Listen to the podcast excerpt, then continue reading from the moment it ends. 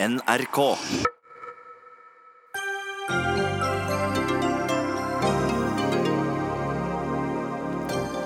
Trond Giske beklager egen oppførsel, som hans egen partileder omtaler som kritikkverdig. Men hva så? Det digitale grenseforsvaret er som å gi politiet muligheten til å ransake hjemmet ditt uten at du vet om det, mener Advokatforeningens leder. En av verdens rikeste og mest suksessfulle forretningsmenn hyller norsk narkotikapolitikk, sier det er første skritt for å stanse det han kaller den meningsløse krigen mot narkotika. Og spillet som spøkte med dyresex, incest og kreft, forsvinner fra de store bokhandlerne. Har humor en grense, spør Dagsnytt 18.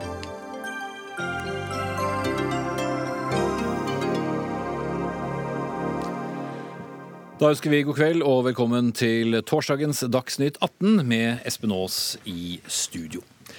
Jeg tar på alvor at jeg har opptrådt på en måte som har vært belastende. Det beklager jeg sterkt. Ja, Det er ordlyden i pressemeldingen som Arbeiderpartiet sendte ut i ettermiddag, der Trond Giske for første gang uttaler seg om varslene mot seg om upassende oppførsel. Samtidig sier partileder Jonas Gahr Støre at Giske har opptrådt kritikkverdig. Vi har selvsagt spurt partiledelsen, Trond Giske selv, Oslo Arbeiderparti og en rekke andre Ap-medlemmer om de kan stille hos oss i dag, men ingen kunne eller ville.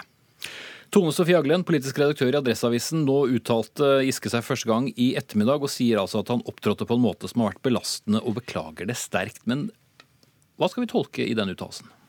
Nei, Det er jo ikke lett å vite hva han beklager, for det sier de jo ingenting om. Og vi vet jo heller ikke hva som ligger i kritikkverdig. Men så kan man jo stille spørsmålet hvorfor kommer den beklagelsen nå, etter så lang taushet? Og da kan vi jo spekulere i kanskje ønsker dem å ta brodden av en fortsettelse og unngå at det fortsetter å komme nye spekulasjoner, og ikke minst eh, ta fra partiet litt av den kritikken mot at de håndterte dårlig. Eller det kan være at det kommer verre og nye avsløringer som gjør at det her virkelig ser alvorlig ut. Mm.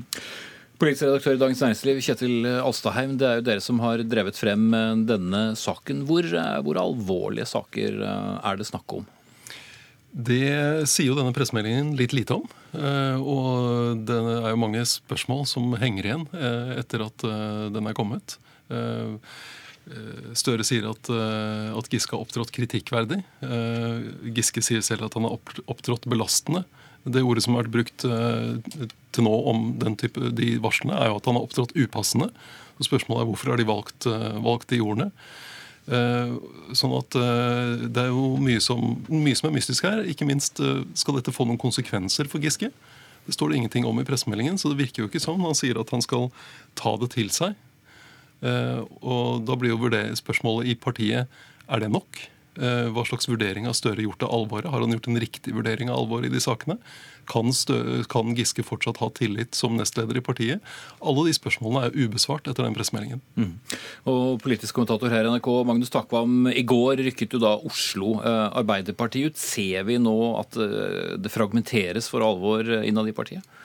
Det så i hvert fall slik ut inntil den konklusjonen vi fikk eh, i dag. Det er mulig, som, som, dere er inne på her, at det var, det var nødvendig for partiledelsen, tror jeg, på, på, dette tidspunktet å komme ut og si noe med tyngde om saken. Hadde den fortsatt eh, og alt hadde, vært, hadde hengt i lufta i flere dager til, så hadde det vært ødeleggende med den typen intern skal vi si, skittkasting som vi har opplevd.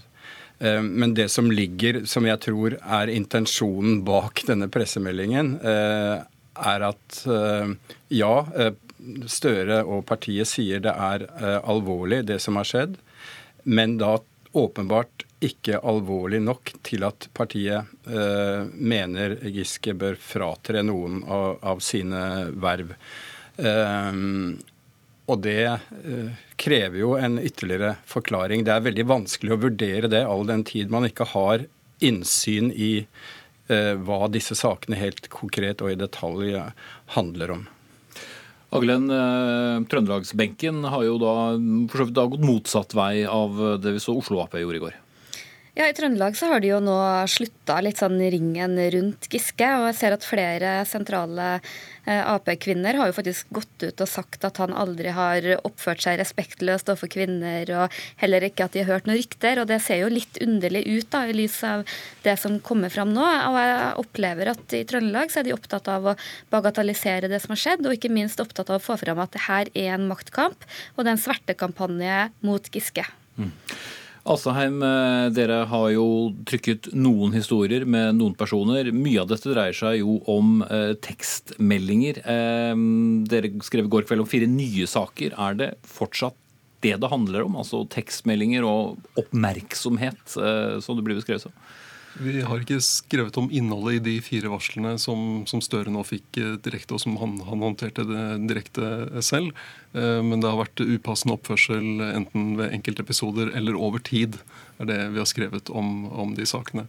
Det som er, eh, er, veldig spesielt i Arbeiderpartiet nå, og som jeg vil si er litt sånn kritisk for det partiet, er at det er blitt så konfliktfylt hvordan de skal håndtere varslinger om upassende oppførsel. Eh, de, du har eh, folk som er redde for å varsle. Eh, og du har, Det var jo det Oslo Arbeiderparti, de syv fra Oslo Arbeiderparti prøvde å ta opp i går. Og så ser vi i dag En ting er de fra, fra trøndelagsbenken som kommer og forsvarer ham. Det er for så vidt som forventet. Men vi ser også i, i Aftenposten en sak om to anonyme kilder i Arbeiderpartiets sentralstyre som beskylder Oslo Arbeiderparti for å drive svertekampanje mot Giske. Så her er det noen i Arbeiderpartiet som er mer opptatt av å slå ring om Giske, verne Giskes maktposisjon, enn å behandle disse varslene på en ordentlig måte. Mm. Men Kjenner du og dere innholdet i disse fire nye varslene som dere omtalte? I de fire, de fire varslene er, så, så, har vi skrevet det vi har skrevet. Jeg tror jeg skal holde meg til det. Ok. Eh, Magnus? Ja, altså det, det, er klart at dersom det kommer eh, saker der eh, man får et ansikt bak saken, altså at noen Eh, forteller om, om, ting som har skjedd, så, så tror jeg liksom hele bildet vil kunne, kunne endre seg, og, og, folk vil oppfatte det mer konkret enn det som er tilfellet når man har denne typen litt sånn anonyme eh, beskrivelser av, av bakteppet. Og jeg all, altså på en, Alvoret i saken er jo stort på alle måter. Både selve det det egentlig handler om, disse, disse, denne anklagen og det Giske nå har beklaget at han har gjort, det er jo kjernen i saken. Men det, demonstrerer eh, at partiets toppledelse, kollektive ledelse, er under meget sterkt press og til dels i strid med hverandre. Når eh, partisekretær er utsatt for den typen kritikk som vi hører fra Oslo Arbeiderparti osv., så, så eksponerer det et parti uten en handlekraftig og enig toppledelse. Mm. Men hva skal da til for å på en måte samle rekken igjen? Altså må, må hodet rulle på et vis? Må vi komme lenger enn det vi har gjort nå? Det, det, det, tror jeg er litt tidlig å si. Eh, fordi, men, men, det som i hvert fall trengs, er noen svar på de spørsmålene som henger igjen eh, etter den pressemeldingen.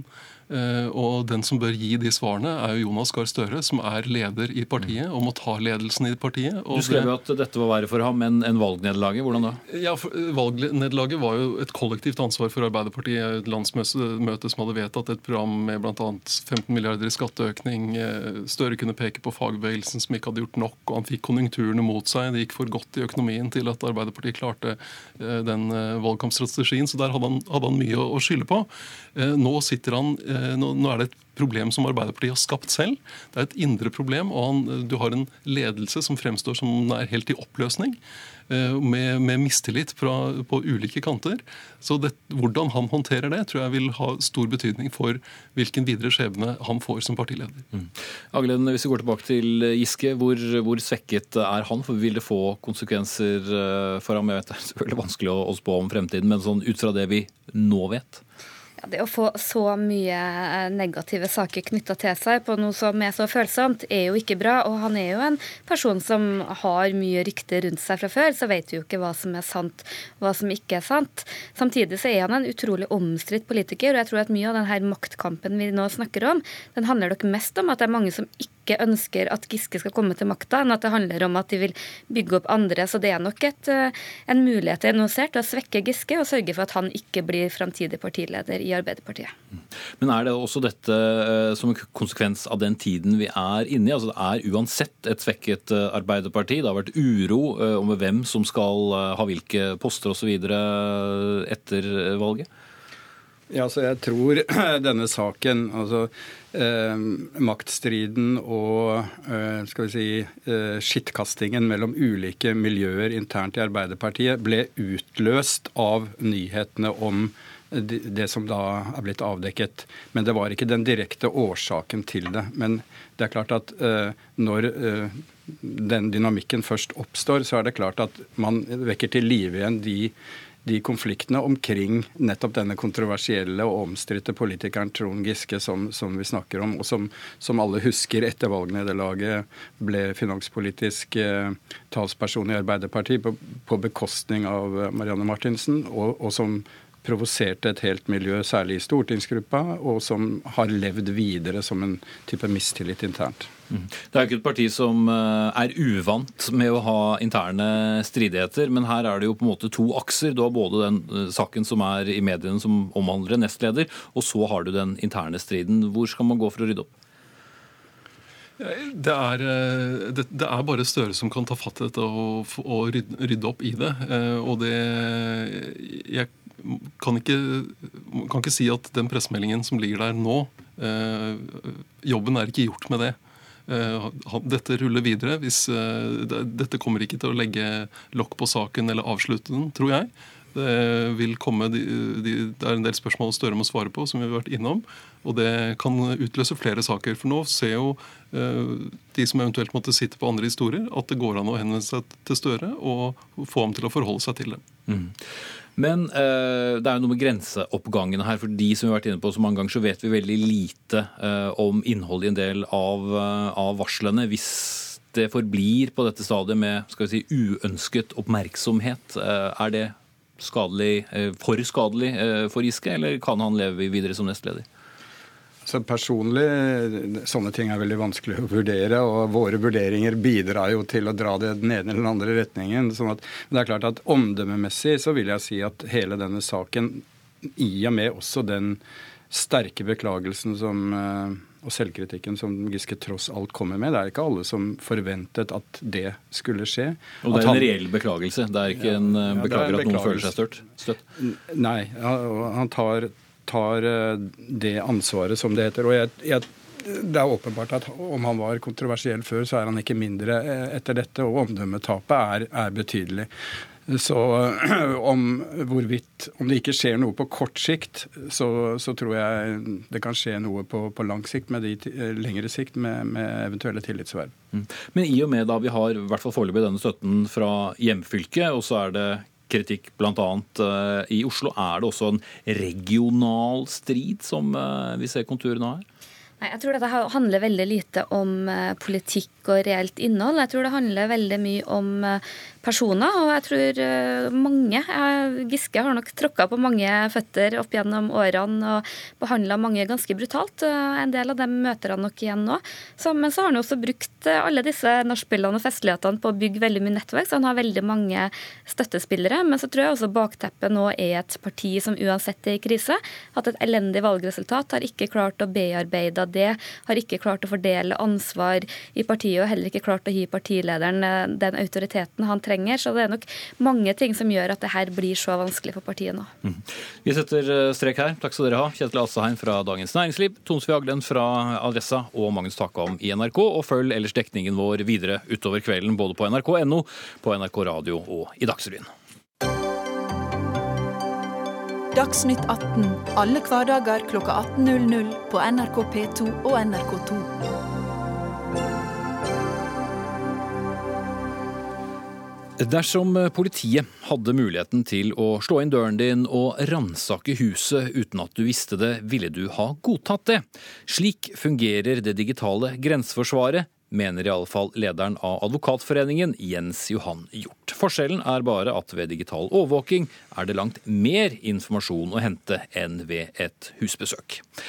Grenseforsvaret overvåker kommunikasjonen som går inn og ut av Norge, og Etterretningstjenesten mener den er nødvendig for å bekjempe cyberangrep og terrorvirksomhet. Et utvalg la i fjor frem en rapport med forslag om en egen domstol som gir Etterretningstjenesten tillatelse til å hente ut informasjon. Og Jens Johan Hjort, du leder for eh, Advokatforeningen, da.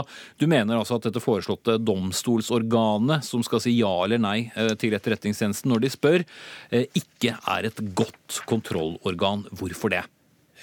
Ja, Det er jo fordi eh, altså Lystne II-utvalget som har kommet med denne eh, anbefalingen, de har selv beskrevet hvordan denne særdomstolen skal eh, besettes. Og Der sier de, og jeg siterer det skal være et mindre antall dommere med grunnleggende forståelse for etterretningsfaget og innsikt i etterretningsvurderinger og trusselbildet som ligger til grunn for anmodninger om søk. Sitat slutt.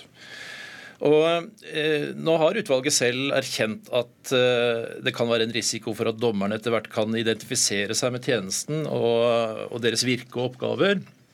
Eh, og Det er eh, det åpenbart grunn til å være bekymret for. Eh, og denne, eh, disse, denne domstolskontrollen den skal da i tillegg foregå i E-tjenestens lokaler. Så det er klart at uh, Her har du en, en, stor utfordring i forhold til en, en, domstolskontroll som etter vårt syn ikke er tilfredsstillende. Mm. Vi har veldig gode noen av de aller beste domstolene i, i verden i Norge. Og du frykter da at dette vil svekke dem? Nei, det vil ikke svekke de norske domstolene. Men eh, jeg ville sette pris på om denne domstolskontrollen kunne foregå i våre norske velrenommerte domstoler på en, en måte som tilfredsstilte rettssikkerhetsaspekter på en mye bedre måte. Ok. Hårek eh, Elvenes, stortingsrepresentant for Høyre. Kan man garantere at eh, domstolene som skal gi denne tillatelsen, blir uavhengige og upartiske? Først vil jeg jo si at hvis gjort sine innvendinger mot uh, snakke inn mikrofonen her. Sånn. Ja. Først vil jeg si at Hvis det gjort sine innvendinger mot det digitale grenseforsvaret avgrenset seg til dette, så tror jeg vi skal kunne klare å kunne lande dette. Eh, generelt så har jo domstolene i Norge uh, uavhengighet. Det er jo et bærende prinsipp i rettsstaten. Um, det essensielle i denne saken er jo at det skal være en domstolkontroll. At E-tjenesten må gå til domstolene og få domstolene sin godkjennelse for å kunne gjøre et målretta søk av data som flyter på tvers av landegrensen. Eh, om den skal ligge i E-tjenesten sine lokaler eller ikke, ja, se det, det har jo ikke Stortinget tatt stilling til ennå, for saken er ikke kommet til Stortinget. Men det essensielle er at det faktisk må være en domstol som tar stilling til om E-tjenesten skal få gjøre dette. Og En annen ting som er veldig viktig i denne saken, det er at i tillegg til domstolene, så skal det være et digitalt grenseovervåkningsorgan som skal etterse at E-tjenesten faktisk eh, behandler den informasjonen og opptrer i tråd med domstolen sine forutsetninger. Og Det er et overvåkningsorgan som skal operere i sann tid, og som ikke skal være lokalisert der eh, E-tjenesten er. Eh, og Det er jo en alvorlig grunn til at dette nå vurderes innført. Det er jo den dramatiske økninga mm. i dataangrep og cyberkriminalitet som vi også ser retta mot eh, Norge. Mm. Men dette er jo eh, stadig et omstridt tema, for hvor mye oversikt skal myndighetene ha eh, på eh, hva vi gjør og ikke gjør digitalt. Og Jens Johan Hjort, hva mener du da ville være en bedre løsning? Ikke ha denne muligheten til å sjekke datatrafikk? Ja, jeg må jo skuffe min gode venn Hårek. Det er ikke bare denne domstolskonstruksjonen som er et problem eh, fra Advokatforeningens ståsted. Eh, det er også hele dette instituttet, digitalt grenseforsvar. Eh, det, er, det representerer altså et, et massivt skritt inn i masseovervåkningens verden. Men det er ikke alternativet da, som eh, Hårek eh, Elvenes sikkert ville motargumentert her nå, at eh, det da vil være fritt leide for mange, hvis ikke det finnes noen form for overvåkning eller etterretning på nett? Nei, altså en, en, viss form for overvåkning skal det være. og Vi har stor respekt i Advokatforeningen for at eh, overvåkningsmyndighetene eh, de, de må ha rammebetingelser for å, å, kunne utføre sitt arbeid. Eh, men vi mener at digitalt grenseforsvar det går for langt, og det er i strid med Grunnlovens paragraf 102 og EMK artikkel 8. Eh, denne grunnlovsparagrafen er jo eh, godt formulert, hvor den sier at enhver har rett til respekt for sitt privatliv og familieliv, sitt hjem og sin kommunikasjon. Og, og, men, men, bare for å Ja, Veldig kort, fordi tiden går her. Ja, EU-domstolen det, det, er ett år siden i dag at EU-domstolen kom med en dom i Tele 2-saken. Der sa de at kommunikasjons Data enkeltmen om enkeltmennesker det kan bare lagres under forutsetning av at det eksisterer en sammenheng mellom dataene som lagres, og en konkret trussel mot den offentlige sikkerhet. DGS det er en generell og udifferensiert lagring eh, ja. på, på, veldig, veldig bred front. Da, eh, Elvenes, Er det ikke også et poeng her med at man også skal kunne føle seg trygg i sine egne hjem? La meg først si at eh, overvåkning av nordmenn i Norge, i den grad det er nødvendig, så ivaretas det av eh, PST. Mm, dette, dette er trafikken ut og inn? Dette er trafikken ut og inn av landet. Det er snakk om å fremskaffe informasjon om fremmede makter eller enkeltpersoner som er en direkte trussel mot eh, Norges sikkerhet. Og Jeg er enig med Hjort at uh, her må man finne balansen mellom personvernhensyn og rikets sikkerhet. Men skal vi ha et personvern med en mening som bærer over tid, for å si det slik, så må vi også sørge for at rikets sikkerhet og den alminnelige samfunnssikkerheten er ivaretatt. Og Derfor så må dette eh, digitale grenseforsvaret det må rigges på trygg juridisk grunn gjennom domstolekontroll, gjennom klar formålsavgrensning. Du kan ikke bruke informasjon innhenta gjennom dette til å straffefølge i andre saker. Der er det klare klare grenser. Og det skal også være et overvåkningsorgan som hele tida faktisk overvåker E-tjenesten, og ser at E-tjenesten opererer i henhold til de eh, muligheter og den begrensninger som domstolene har gitt. Så dette tror jeg vi kommer til å lande på en god måte. Eh, Tyskland, Frankrike, andre land som vi samarbeider i forsvarssammenheng med, har det.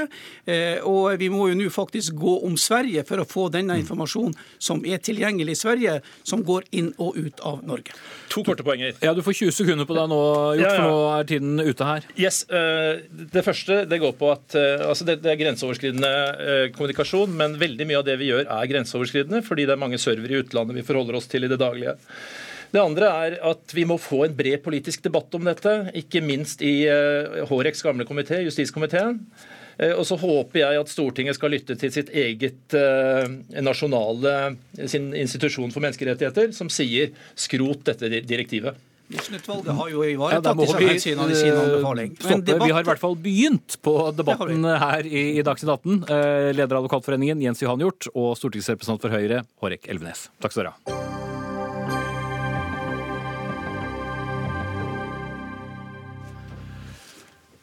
Kvam kommune ble i 2013 rammet av en 200-årsflom for andre gang på to år. Flommen totalødela flere boliger i området, og beboerne de måtte evakueres.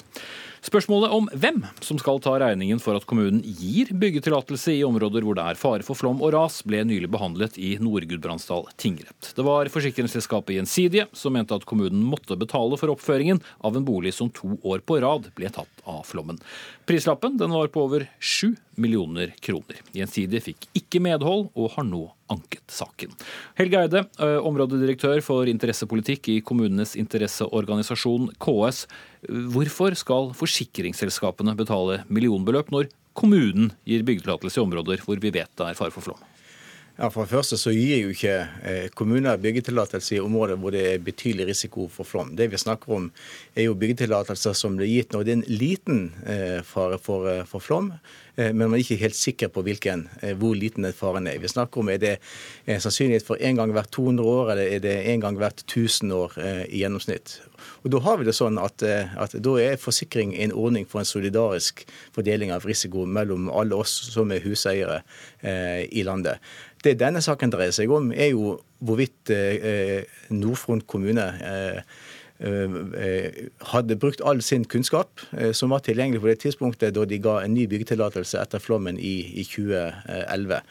Eh, så sier denne rettsdommen at det har de gjort, så de var ikke uaktsomme i det tilfellet. Så syns jeg at vi skal, eh, siden da Gjensidige har anket denne konkrete saken, så skal vi la den saken ligge i, i rettsvesenet. Det viktige spørsmålet... Men prinsipielt sett så er jo dette viktige ting ja, å gå opp? Det, viktige, det virkelig viktige spørsmålet for de 160 000 boligeierne, eller boligene som er rundt omkring i landet, som er i områder hvor det er eh, påvist en flomrisiko, det er jo hvordan kan man få styrket forebyggingen. Eh, slik at sjansen for at det faktisk blir skader på hus og hjem, eh, går ned. Det er det viktige spørsmålet. Og vi er hjertens enig i at her er det behov for å, å styrke innsatsen. Derfor har vi også bedt om en opptrappingsplan for bedre forebygging av flom og rasskader her i landet. Merete Anita Utgård, advokat for Gjensidig forsikring. Eh, kan man si nei til eh, folk som bor i muligens ras- eller flomutsatte områder når de ber om å få forsikret boligen sin? Nei, Gjensidige kan ikke si nei til uh, å inngå en forsikringsavtale. Men dere kan si nei til utbetaling etterpå? Nei, det vil oss nok ikke gjøre. Altså, det er flere grunner til at vi ikke vil si nei til en sånn avtale. Eh, det første er at det vil jo sette huseieren i en forferdelig situasjon. Tenk at du har fått tillatelse til å bygge og tror at alt er i orden, eh, og så blir du nekta en forsikringsavtale. Det betyr at du vil sitte med all risiko og alt ansvar, og vil en, det vil være en enorm belastning. Og Gjensidige ønsker ikke å sette kundene sine i en sånn situasjon. Men så er det også sånn at det offentlige har ansvar for å vurdere risiko for naturkatastrofe. Gjennom plan- og bygningsloven så skal eh, kommunene gjøre en kvalifisert vurdering av det. Eh, og oss som selskap må kunne stole på at de gjør jobben sin på en tilstrekkelig måte. Vi kan ikke gå inn og kontrollere det på forhånd. Så Derfor så kan det være greit å kreve inn forsikringspremie, men ikke nødvendigvis betale ut forsikringssummen?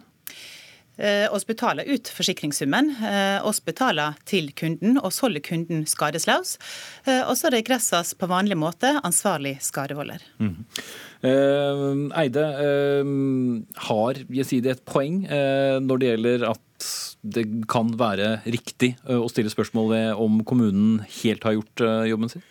Ja, igjen så syns jeg ikke vi skal snakke om denne konkrete saken. Siden, Nei, men, men generelt, altså, vi har hatt mye uvær eh, generelt, generelt, så er det sånn, eh, og det er alle, allerede gjeldende regler i dag, at hvis eh, en kommune har vært uaktsom, altså gjort noe som er direkte feil, altså ikke brukt tilgjengelig kunnskap, kompetanse, og man kan da påvise at det har gått galt, så er det en legitim grunn til å, å fremme et regresskrav overfor kommunen. Det gjelder enten byggetillatelse, eller det gjelder hvis det er tilbakeslag på, på kloakk. Sånn er rettsprinsippet i dag, og det har vi verken vi eller kommunene noen motforestillinger mot. Men igjen, jeg har lyst til å rette eh, søkelyset mot det som er det virkelig viktige spørsmålet. For helt uavhengig av regress eller ikke, så er det et åpenbart behov for å forsterke eh, forebyggingsarbeidet for flom og skred. For vi har kunnskap i dag Eh, om at dette kommer hyppigere og med større konsekvenser enn hva vi visste for 15, 20, 30 eller 40 år tilbake, da tross alt de fleste byggetillatelsene her i landet ble gitt.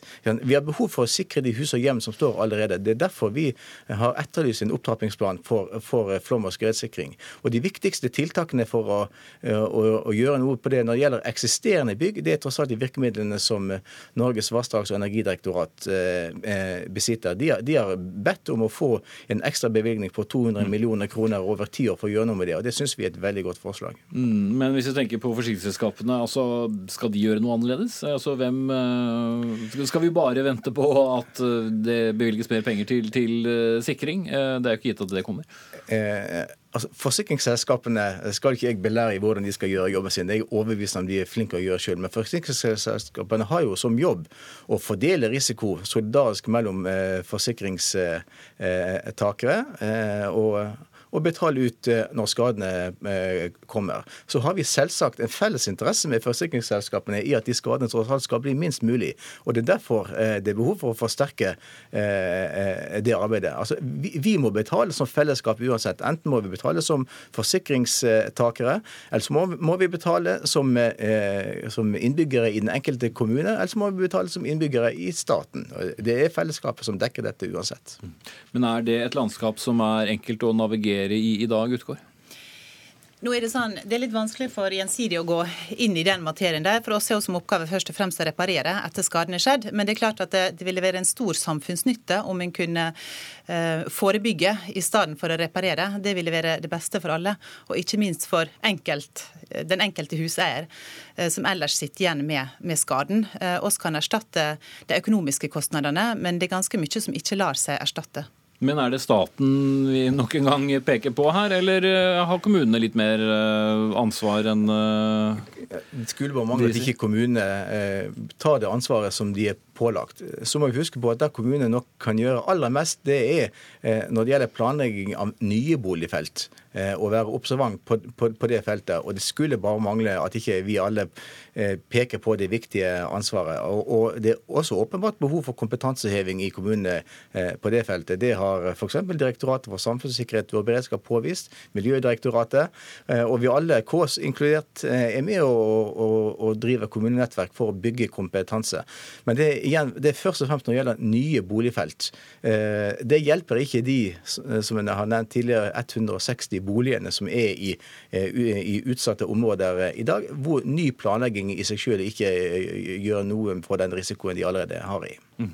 Vi kommer helt sikkert til å snakke om den type ansvar senere også. Takk skal dere ha, Helge Eide i KS og Merete Anita Utgaard fra Gjensidige.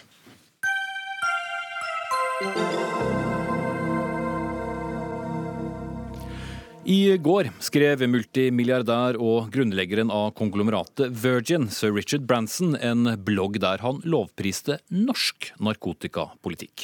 For flertallet på Stortinget ble for kort tid siden enige om å avkriminalisere besittelse og bruken av narkotika, og sir Richard skriver at dette er første skritt i å avslutte det han kaller den meningsløse krigen mot narkotika.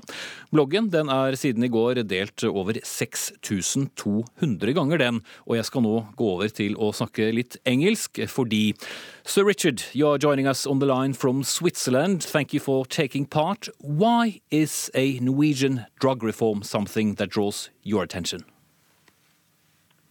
Um, for a number of reasons. I'm um, a, a, drug commissioner alongside um, Drug Commissioner uh, Stoltenberg um, and another 15 um, ex uh, presidents of their countries. And um, we spent the last 10 years studying the war on drugs, and it is clear to all of us, from you know Kofi Annan um, right, right, right through all the other commissioners, that uh, the war on drugs has been an abject failure.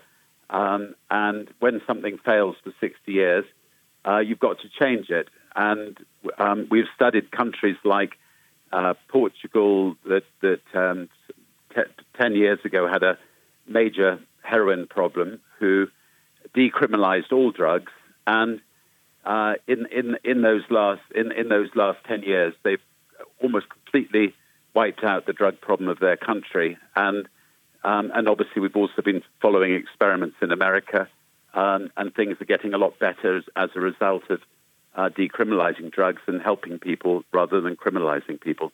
But what do you say to those who would say this is like giving up or saying that drugs are not that dangerous after all?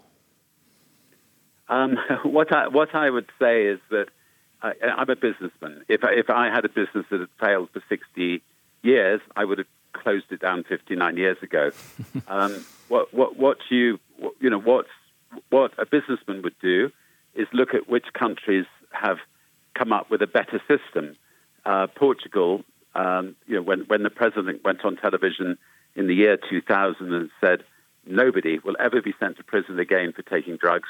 We will help you. We will not criminalize you. Uh, they, they had a very big heroin problem. Um, within six years, almost all those heroin addicts were back useful members of society again. They'd been weaned off heroin. They didn't have to worry about um, being sent to prison. They could come forward. They could be, uh, they, they, they could go to a center. They could be helped. They could be given advice, um, and they could be loved and cared for in the same way that if somebody in your country has an alcohol problem, they can get help. Uh, the same the same should apply um, to a drug problem. And um, and you know what the commission are not doing is saying, um, you know, that cigarettes are good for you, or alcohol's good for you, or drugs are good for you. All, all one's saying is, um, you know, be, be careful um, about what you do Uh, and if you do do it, um, uh, and you get into trouble, we will help you, and, and society will help you. We, you know, if my brother or sister um, has a has a drug problem, I will want them to be helped. Um, uh, if my children have a drug problem, I want them to be helped. And um, and obviously, you know, there are people in your country who I know who've lost um, brothers, who've lost um, daughters um, from drugs, all of whom want you know, all of whom, you know, welcome the government's um, change of position because they, you know, wish it had happened many years ago, so their their children and their brothers and sisters were, were not lost, and they were they and they were they were helped. We'll get to that in a moment, Sir Richard. I'll just translate some of what you said into uh, Norwegian for our listeners. Så det Sir Richard Branson altså sier, er at dette har vært en forfeilet kamp, og hadde det vært uh, en av hans bedrifter uh, som ikke hadde fått til noe på 60 år, så hadde han avsluttet den formen for politikk for 59 år siden. Vi skal nå gå over til en av de som han har nevnt i sin blogg. one of those you mention in your blog is the entrepreneur Eirik Moseng from Oslo, now residing in London. And uh, Eirik, you're joining us from London. Uh, you have quite a personal story yourself in regards to this matter. Yes, uh, I uh, have uh, two brothers, older brothers, that both have uh, died of a drug overdose. Uh, one in 1998 uh, and the other one in 2002. I have quite close relationship to to to to drug abuse in the sense of seeing this from the inside and how how uh, the current uh, drug policy has been working. Uh, and uh, I must say that that uh, there is there is not uh, you know a perfect solution for for anything. But what we do know is to that we have seen uh, that the, uh, jailing people uh, absolutely don't help for anything at all. Uh, uh, I, I, think it is a good time to, to, to, to, to start looking back at what has been done for the last 60 years and, and make a change as Richard is proposing. Um, my brothers, they were in and out of jail. Uh, and uh, one of the things I often heard from them was that uh, drugs are more accessible inside uh, inside jails than outside, and there are even people that haven't used drugs before they come into jail uh, and start uh, using it there. I know that my my brothers will prefer to have been offered some treatment instead of being put behind bars because uh, uh, you know you are locked up. You, you want to find a way your, your, your days to go. And and their, the way they handle that was to you know to, to take drugs uh, so it absolutely don't don't change anything. Uh, so you, you remove them from the street, and then they still do drugs, and you put them back, and they will just commit the same. Mm. same. So, so Richard, uh, you have been saying this for quite some time that we need to decriminalise those who use drugs, uh, but there's a long way to go. Why is it so difficult to change people's minds? I think because um, governments are not brave. Um, and, and the Norwegian government, I believe, is brave. I mean, they'll get some criticism from people who simplistically think, uh, you know, drugs are bad for you, and therefore um, they should be, you know, they should be illegal. They should be, people should be sent to prison, and that is the best way of doing it, um, uh, rather than actually examining uh, the alternatives and realizing that there, there is a much better way. Um, and uh, and governments are worried about votes. They're worried about you know losing popularity. Um, and interestingly, the the 15 commissioners on um, uh, on on the Global Drug Commission, almost all of them, when they were presidents of their country, they were not brave, and they they accept they were not brave. And um, and when Kofi Annan, who's one of our commissioners, was Secretary General of the United Nations, he, you know, he, perhaps he wasn't as brave as he would like to have been all of them, uh, uh, all of them accept um, some guilt on, that. Um, apart from maybe the Swiss Prime Minister, who, who did a lot, a lot of, of, good, you know, good things in her country. Um, but they, but you know, but at least they are willing to admit that they were wrong when they were in power, and now they're trying to help people who are in power learn from, from their mistakes. Thank you so much for joining us, uh, Sir Richard. Um, han uh, sier altså at mye her handler om uh, politikere og regjeringer som er uh, redde for å miste stemmer. Men uh, Eirik Moseng, du kan få nå gå over til uh, å snakke norsk. Hvordan ville en avkriminalisering av besittelse og bruk av narkotika endret livet til de to brødrene som ikke lenger er her? At de ville fått mer hjelp, eh, mer hjelp de, de, de, trengte. Men først og fremst så vil jeg, vil jeg mene at, at, når du først har et problem som må være eh, avhengig av, av, narkotiske stoffer, så hjelper det ikke å få loven tredd nedover ørene dine. Eh, det tror jeg virker mot sin hensikt. Eh, jeg tror at, at, ved å få mer støtte, eh, ved å ikke bli så stigmatisert, stigmatisert og uh, få tilbudt tilbud uh, terapi og hjelp mot problemene ville bidratt til at mine brødre ville vært i live i dag. Helt kort til slutt, Moseng. Hva betyr dette nikket fra en så profilert mann? Jeg syns det, det, er helt ubeskrivelig fantastisk at Richard går i, i fronten for å og, og, og, tegne et annet bilde enn det verden ofte oppfatter. Og det at han eh, tar den oppgaven. Han nevnte selv om hvordan, politik, hvordan politi, politikerne ofte avskyr å snakke om dette her. Det, det, føles ut som det er gift for dem. Og det at han eh, er en så ledende person uh, med, som inspirerer en hel verden, går i, i, i, frontlinjen på dette her, det, det, jeg har ikke ord for hvor takknemlig jeg er. Takk skal du ha, Erik Moseng, med oss på linje fra London, som altså mistet begge sine brødre i overdosedødsfall. Hør Dagsnytt 18 når du vil. Radio NRK Radio.nrk.no. Da skal vi snakke om eh, eldrepolitikk her i Dagsnytt 18. 65 000 eldre opplever vold i hjemmet, ifølge en rapport som ble omtalt i avisen Vårt Land i går. Og nå krever Fremskrittspartiet et eget eldreombud, og kritiserer også SV for ikke å gjøre nok for eldre. Og underlig svarer SV tilbake, for det er Frp som sitter i regjering. Så Bård Hoksrud, stortingsrepresentant for Fremskrittspartiet, hvorfor eh, kritiserer dere SV når dere sitter med bukta begge endene? Jo, Det er jo faktisk fordi at når man ser hvordan SV har styrt eldreomsorgen i Oslo, og jeg vet at eh, SV nå er veldig gjerne på offensiven i eldreomsorgspolitikken, se på alle, jeg tror alle husker NRK-episoden om St. Halvardshjemmet som eh, byråden fra SV ville legge ned. Fremskrittspartiet har sørga for i 2007 at vi fikk på plass et eldreombud, eh, som i dag er svært bekymra for den eldrepolitikken som SV som en del av byrådet, og, en, stad, nei, en byråd som gikk av bare for to dager siden, har styrt Oslo og eldreomsorgen. Og jeg får mange bekymra pårørende som tar kontakt og ikke får det tilbudet de trenger. Eh, og det opplever vi også mange andre steder i landet. Og da er det viktig å få på plass et eldreombud. Og det har Fremskrittspartiet kjempa for, men vi har stått litt aleine i den kampen. Eh, men det er kjempeviktig å få på plass for å sikre en verdig og trygg og god alderdom til de som trenger det. Ja, Niklas eh, Wilkinson, stortingsrepresentant da for eh, SV. Gjør dere nok for de eldre? altså, jeg tror det, det, er første gang da et regjeringsparti eh, kritiserer SV i opposisjonen for ikke å få til nok for de eldre.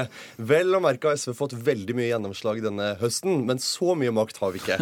Men, men jeg synes dette, for det første, Oslo, må bare si det kort. Når vi tok over Oslo, så var det 17 sykehjem som var uegna, sa kommunen selv, som vi måtte pusse opp. Vi har fått, det er færre klager og sånn. Men la oss, men la oss gå til det viktige. Jo, men, jo, blir hengende nei, nettopp, rundt for det er poenget mitt. Men det er poenget mitt. Fordi at jeg syns veldig ofte politikere driver bare og krangler om hva som har vært før. Så jeg vil heller snakke om hva vi skal gjøre framover. Og nå sa Bård Hoksrud noe veldig viktig, og det er at han vil ha et eldreombud.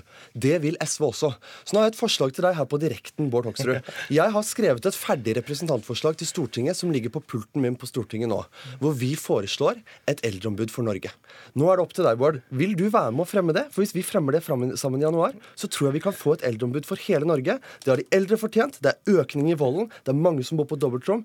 Hvis du blir med meg nå og SV og fremmer forslag om, om eldreombud for Norge, så kan vi få til dette. Men, men det, er veldig hyggelig det, eh, Nicolas Wilkson, at SV nå er for det. fordi de stemte, jo, men Poenget mitt er at dere stemte imot det i 2011, og det var faktisk da, da var det forslaget framme. Og så kan ikke jeg garantere her nå, jeg tror jeg skal være veldig forsiktig med å garantere programleder, men for Fremskrittspartiet så er eldreombud kjempeviktig. Men det er altså sånn at istedenfor ikke å gjøre noe, så har denne regjeringa faktisk sørga for, eh, med bakgrunn i de 65 000 som vi så nå eh, oppslag om i går, som altså opplever vold. Vi har nå sørget for at fra 1.1 så blir styrker man lovverket. Vi har sørget for at alle som skal jobbe i pleie- og omsorgssektoren, må ha politiattest. Ja, fordi dette er viktig. Til å gjøre jo, dette bedre, da? Det, det høres jo, det er klart, Nå sitter Wilkinson i opposisjon, og Fremskrittspartiet kommer til å jobbe for dette overfor eh, regjeringa. Eh, og Så får vi se eh, hva, hvor langt vi kommer med det, men vi er en del av et regjeringsflertall. Men SV har altså fremma forslag om andre ting, og de har ikke vært på dette sporet, eh, i hvert fall ikke som egne forslag. Og de stemte det ned når de satt i regjering i 2011. Og det er greit å ha med, men jeg syns det er kjempepositivt at Wilkinson nå er for noe han var mot for bare kort tid siden. Wilkinson? Eh, for seks år siden så satt ikke jeg på Stortinget. Jeg er 29 år. Men SV gjorde det, Wilkinson. Men, jo, men det her er interessant. For at det Bård egentlig sier nå, det er at han sliter med regjeringskamerater. Arbeiderpartiet og Senterpartiet var også mot eldreombud. SV og SV Frp. SV, Nei, SV er for eldreombud. Vi var det da. Men SV og Frp vi gikk sammen om barnehageforliket. Så nå rekker jeg ut hånda igjen jeg, og sier la oss slutte å krangle om fortida. Ja, La oss heller se på på ikke sant? barnehageforliket. Men, eh, ja. og, og, mange har og mange sier jo også hvorfor altså, Politikere er ekstremt opptatt av, av barnehageforeldre, småbarnsforeldre. Er det Nå da er det på eldre tide sin tur. Og det er viktig, for at, ikke sant, så eldreombud. Men la oss ta en annen viktig sak. For at Noe av det verste som skjer i eldreomsorgen nå, det er dobbeltrom. Det er fortsatt tusenvis av eldre i Norge som tvinges til å bo på rom med fremmede mot sin vilje. I statsbudsjettet nå på tirsdag så fremmet jeg på vegne av SV forslag om at staten skal stoppe kommuner fra å tvinge eldre til å bo på dobbeltrom. Vi mener at alle eldre skal ha rett til et privatliv, et trygt rom som er bare deres. Og det stemte men- jeg Frp mot. men Det jeg har lyst sjelden til å hører politikere som sier at de er, de er for uh, uverdige forhold, men uh, vi får Se også på her, nei, vi er for men- men- men Ja, ja, nei, du sa riktig, men det er sjelden at noen vil være uenig med det. Ja, Alle er definitivt enig i det, og derfor så har vi også sørga for at det blir eh, kommunene blir straffa hvis de putter folk på dobbeltrom, fordi det skal være enerom. Vi har sørga for 10 000 Dette 000 er feil, Bård. Nei, det er ikke feil. Det er helt riktig. Vi har altså sørga for at, at kommunene, kommunene får lov å ta lavere hvis de har, to, hvis de har på dobbeltrom, eh, Wilkinson. Det er fakta. Så er det altså sånn at der, altså, SV ønsker ikke en statlig finansiering av eldreomsorgen, som Fremskrittspartiet gjør, og som vi har fått i gang et forsøk på nå, hvor vi altså ser fire kommuner i landet som har statlig forsøk med eldreomsorg, som leverer bedre eh, eldreomsorgstjenester enn mange av de andre kommunene. Os kommune, som er med i forsøket, har nå altså etablert en tropisk hage nettopp for å gi god kvalitet på eldreomsorgen. En tilfeldig valgt Frp-kommune der ja, ja, det, Ja. Men, det, men det er jo en av de kommunene som er med. Men SV vil ikke det. SV har til og med tatt bort pengene fra disse kommunene. De skal ta og strupe disse kommunene fordi at de liker ikke at vi får mer like tilbud. Også Hvis man oppfyller kriteriene, så får man en plass uavhengig av kommuneøkonomi. Det er viktig for Fremskrittspartiet. Men og er derfor jobber vi ideologien med da dette. i, i veien, som, uh, som Hoksrud sier? Grunnen til at alle partier har vært skeptiske til dette forsøket, For det er helt riktig at disse kommunene får bedre eldreomsorg enn alle de andre. Det er en urettferdig fordeling fordi de får masse ekstra penger. Så jeg er jo for at vi heller skal gi mye mer penger til alle kommunene. SV foreslår over 4 milliarder kroner i økning til kommunene. Men, men, Men jo, de- da må de bruke Bård, pengene jeg- på eldreomsorg. Ja, jeg er helt enig. Ja. Og Derfor så har jeg nå allerede rukket ut hånden med to forslag. Jeg syns vi skal slutte å krangle, og synes syns jeg vi skal snakke om framtida. SV foreslår nå eldreombud. Hvis dere er med, så får vi det til. SV vil foreslå å stoppe kommuner. Wilkinson. SV, SV foreslår nå å stoppe kommuner fra å tvinge eldre til å bo på dobbeltrom mot sin vilje. Hvis dere er med, så kan vi prøve å få det til. Og det vil løfte enda et forslag, for vi må se framover her. SV foreslo også nå i statsbudsjettet penger til 350 nye dagplasser for eldre. Fordi at alderdommen vår det skal handle om mer enn bare å bli behandla for sykdommer. Du skal faktisk også leve et godt liv. Folk skal kunne glede seg til å bli gamle. Aktiviteter. Men det stemte også Frp men, mot. men, men, men, kjære programleder, Det er veldig hyggelig at Wilkinson nå plutselig har blitt veldig for alt det han har vært, og hans parti har vært imot i Jeg åtte kom år. inn på Vi har Stortinget også- for tre jeg måneder siden, Du, må Bård representere, Hoksrud. du representerer vel SV, da, håper jeg, Wilkinson, ja, jeg. og må ha med deg historien for å se på framtida. Men med ett minutt igjen av denne samtalen. eh, Det strekkes for så vidt hender ut eh, begge Begge veier her. ja. Men dere har noen ideologiske forskjeller når det gjelder finansieringen. Men det er vel et poeng at hvis vi hadde, eh, eller dere snarere, hadde satt dere ned og, og satt eh, eldre først, og bestemt dere for hva slags eldreomsorg vi hadde, så er det vel faktisk mulig at eh, antallet debatter om eldre i Dagsnytt 18 ville blitt færre? Ja, Det hadde jeg virkelig håpa. Fremskrittspartiet har kjempa for dette. Dessverre har det ikke vært politisk vilje til å gjøre noe med finansieringa, så at man sikrer den trygge og verdige og gode eldreomsorgen over hele landet. Det kan ikke være kommunene og den enkelte kommunestyre som skal bestemme hvor mye penger vi skal bruke på eldreomsorg. For ofte så er eldreomsorgen salderingspost og det som blir kutta på, fordi det bare sier at man har lovpålagt noen oppgaver, men så er det opp til kommunen å bestemme hvilket nivå de skal være på. Det, sånn ønsker ikke Fremskrittspartiet Fremskrittspartiet ha det. Derfor så kommer det nå nasjonale retningslinjer for å sikre at vi får en likeverdig eldreomsorg, og alle som trenger det, får det tilbudet. Men da må vi også ha på plass finansiering. og Derfor vil jeg utfordre Wilkinson på å bli med på statlig finansiering direkte på eldreomsorgen. Da får man slutt på disse debattene. Hvis noen lurer på hvor de skal høre SV og Fremskrittspartiet høres relativt enige ut om eh, eldreomsorgen, hør Niklas Wilkinson og Bård Hoksrud fra Dagsnytt 18 denne torsdagen. Takk skal dere ha.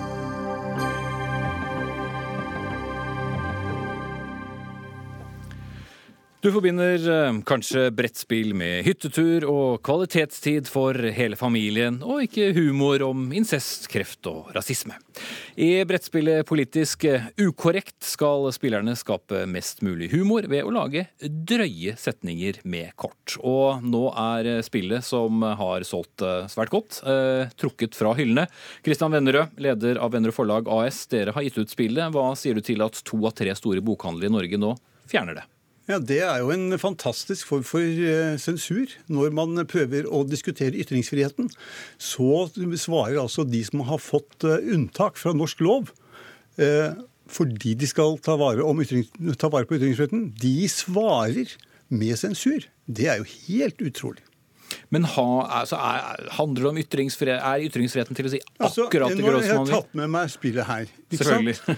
ja, men uh, det er nødvendig fordi at det kommer påstander som er bare helt uh, meningsløse. Vi har gitt ut tre slike uh, utgaver av dette spillet. Det betyr at det er ca. 1000 kort i spill. Så tar man ut 20 av dem, og så sier at her, det, her står det noen ting som ikke er pent.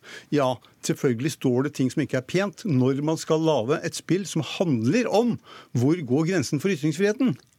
Det er klart at Da vil det være noen kombinasjoner av disse kortene som rett og slett høres frastøtende ut. Og Det er selvfølgelig riktig også. De skal ikke spilles, for de aller fleste mennesker de vil ikke velge det. De vil kaste dem bort, de vil ikke bruke dem. Men i noen sammenhenger så vil de kanskje kunne være artige. Mm. Men humor har i utgangspunktet ingen grenser? Humor har i prinsippet ingen grenser. og Det er nettopp ved at man ser humoristiske i en del uvanlige situasjoner. At man kanskje skjønner noe mer. Mm. Dette har jo da vært gjenstand for debatt på sosiale medier, i diverse artikler i mange aviser, og også her i NRK. Maren Winnem, leder Akershus Unge Høyre, du har skrevet kronikk i lys av dette, og tar da et oppgjør med det du mener er å bli et krenkesamfunn. Som følge av en del av kommentarene som har falt etter politisk ukorrekt-spillet. Hvordan er vi i ferd med å bli et krenkesamfunn? Det jeg er redd for, er at eh, vi nå lever i et samfunn hvor vi hver eneste dag nesten kan eh, våkne opp til en artikkel i hvilken som helst lokalavis eller eh, nasjonalavis hvor det ikke er lov å mene noe selv. At vi nå begrenser en frihet som vi alle burde ha, men fordi vi mister. Rett og slett fordi noen mener at dette er vondt og ekkelt. Mm. Det kan være om eh, du er tykk eller tynn. Eh, det er feil hvis du mener at noen er fine når de er tynne. Det er feil når du mener at noen er, ikke er fine når de er tykke. Eh, og sånn baller det på seg, og jeg er redd at vi mister en frihet som vi har vært veldig heldige å ha her i Norge ved at folk lar seg krenke, og aktivt går inn for å la seg krenke av det aller meste. Mm. Denne kronikken henvender seg til alle moralister der ute. May-Britt Gjengstø Utheim, er du en av dem? Absolutt. Og jeg håper at det finnes bare moralister i dette rommet. For hvis det finnes noen som ikke har noe moral, så vil jeg helst ikke treffe dem, for å si det på den måten. Så jeg lurer liksom på deg, f.eks. Har du noen grenser, en moralgrense et sted? Ja, jeg har absolutt det. Eh, det går på min personlige frihet. Eh, jeg mener at jeg har en Eh, et ansvar også som en aktiv politiker. At jeg må passe på hva jeg sier. At jeg skal absolutt ikke oppføre meg eh, som en idiot, si stygge ting eh, og være ufin og slem. Eh, der går grensene mine. Men manglende ryggrad og moralister, er det ikke ufint og slemt? Det er liksom betegnelser som du har gitt på bl.a. hun som da har vært stått i front for å peke på at noen av disse kortene er helt, for meg helt horrible, helt uten grunn. Kan ikke kan, kalles noe som form for ytringsfrihet å skulle snakke om abort med pinner, strikkepinner. Det, det har jeg, vent litt, jeg skal bare si at det har jeg erfart i privatlivet og sånne eh, onkler som driver på med incest og barnesex på i barnehagen, de står det om i avisen hver dag. Så jeg skjønner ikke hva dette har med ytringsfrihet å gjøre i det hele tatt. Jeg mener at du, Vennerød, lager et spill. 70 000 er solgt. Du er en salgsmann. Og så står det her 'en bedre versjon av Cards Against Humanity'. Det sier nok for meg, faktisk. At det, det er helt uinteressant hva du mener. Du tjener penger. Jeg tror, jeg tror man er nødt til å se at dette er et spill som er laget for ironigenerasjonen. Det er altså ikke sånn at hvis man tar alle disse tingene her bokstavelig, så vil dette virke. Det er hele, det som står på slutten her, Advarsel har du lett for å bli krenket. Da er dette spillet ikke for deg. Garantert langt over streken og 18 års grense. Mm. Det er, altså, det er helt nødvendig å ta det inn over seg, at man må forstå sammenhengen dette er i. Det er vitsen det står at dette er et laboratorium for å se hvor grensen for ytringsfriheten går. Da kan man ikke si at alle, alle de kortene som man skal ha der, de skal være innenfor. Men og det er nettopp, til... Når du tar dette poenget med disse tre disse strikkepinnene, så er det klart at jeg også er født og oppvokst på den tiden hvor fri abort ikke eh, var tillatt, og, hadde min eh, seksualdebut hvor også det var forbudt. Og det at det var noen som var nødt til å bruke strikkepinner, det var helt forferdelig. Det er klart at det er likevel en side ved virkeligheten som er nødt til å være med her. Når det er 1000 kort, så må noen sider noen som er uspiselige, og må være med. leker ytringsfritt, så skal det være veldig morsomt. Man skal le liksom Nei, det er hva du ler eller ikke ler. Det, det, er det, ikke, det, er ikke, det er ikke spørsmål om at du må le av alle tingene her. Det er svart humor. Ja, Vinne. Ærlig talt. Eh, felles for oss som sitter i det rommet her, er at vi er imot seksuelle overgrep. Vi er imot pedofili. Vi er imot incest. Det er ingen av oss som syns at det er greit. Men vi må kunne klare å skille mellom det som skjer i det private rom. Om det er en guttegjeng eller jentegjeng som sitter og spiller et spill og ler av ting kanskje du syns er umoralsk, det må vi kunne tillate. Vi skal ikke komme med en pekefinger og peke på alt vi syns er vondt og uff og nei, og det vil vi ikke ha. For da får vi et samfunn hvor enhver person går rundt og er engstelig. For hvis jeg åpner munnen min nå, hva er konsekvensen av det? Og det er ikke et samfunn vi kan ha her i landet. Når vi er så enige om at ting ikke er greit, så er det fint og bra, men man må kunne skille på handling, det å utføre disse handlingene, og det å sitte på hytta med guttegjengen og, og spøke og tulle. Og le av det. Ja, og det, det, det som er morsomt med deg akkurat, det er jo det at du har blitt krenket av at noen syns at dette er for drøyt. Det har du latt deg krenke av. Jo da, du skriver jo det, og la oss slippe dette nå. Slippe disse moralistene. Og du drømmer om at du skal våkne en dag hvor ikke noen har sånne synspunkter. Er, du har latt deg krenke av at noen syns at dette er for drøyt. Så noen er, sitter sikkert hjemme og ser dette nå på TV, eller hører det på radio, eller hvor de nå får det med seg, og så tenker de at eh, vi må vel ha det ganske flott her i landet når det er dette som blir symbol for ytringsfriheten. Er ikke det også litt trist?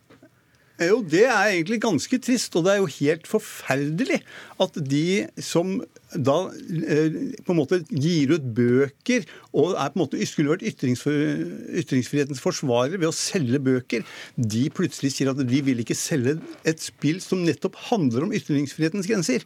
Det er eh, helt uforståelig. Jeg kan ikke skjønne at du kan ta det ordet i din munn og kalle dette en, et spill for ytringsfrihet. Det er ikke noe seriøst her i det hele tatt. Jo, det er, ikke sant? Hele spillet er jo ja, det, i, det spilles jo ikke liksom i, i, en tilstand hvor man sitter der og skal lære seg om ytringsfrihet. Ikke sant? Dette er hvor det er ment å, å ha det morsomt. Det er ikke et klasserom man spiller dette. Det er riktig. Det er over 18 år. Det er et selskapsspill. Ja. Det finnes én enkel løsning på det her.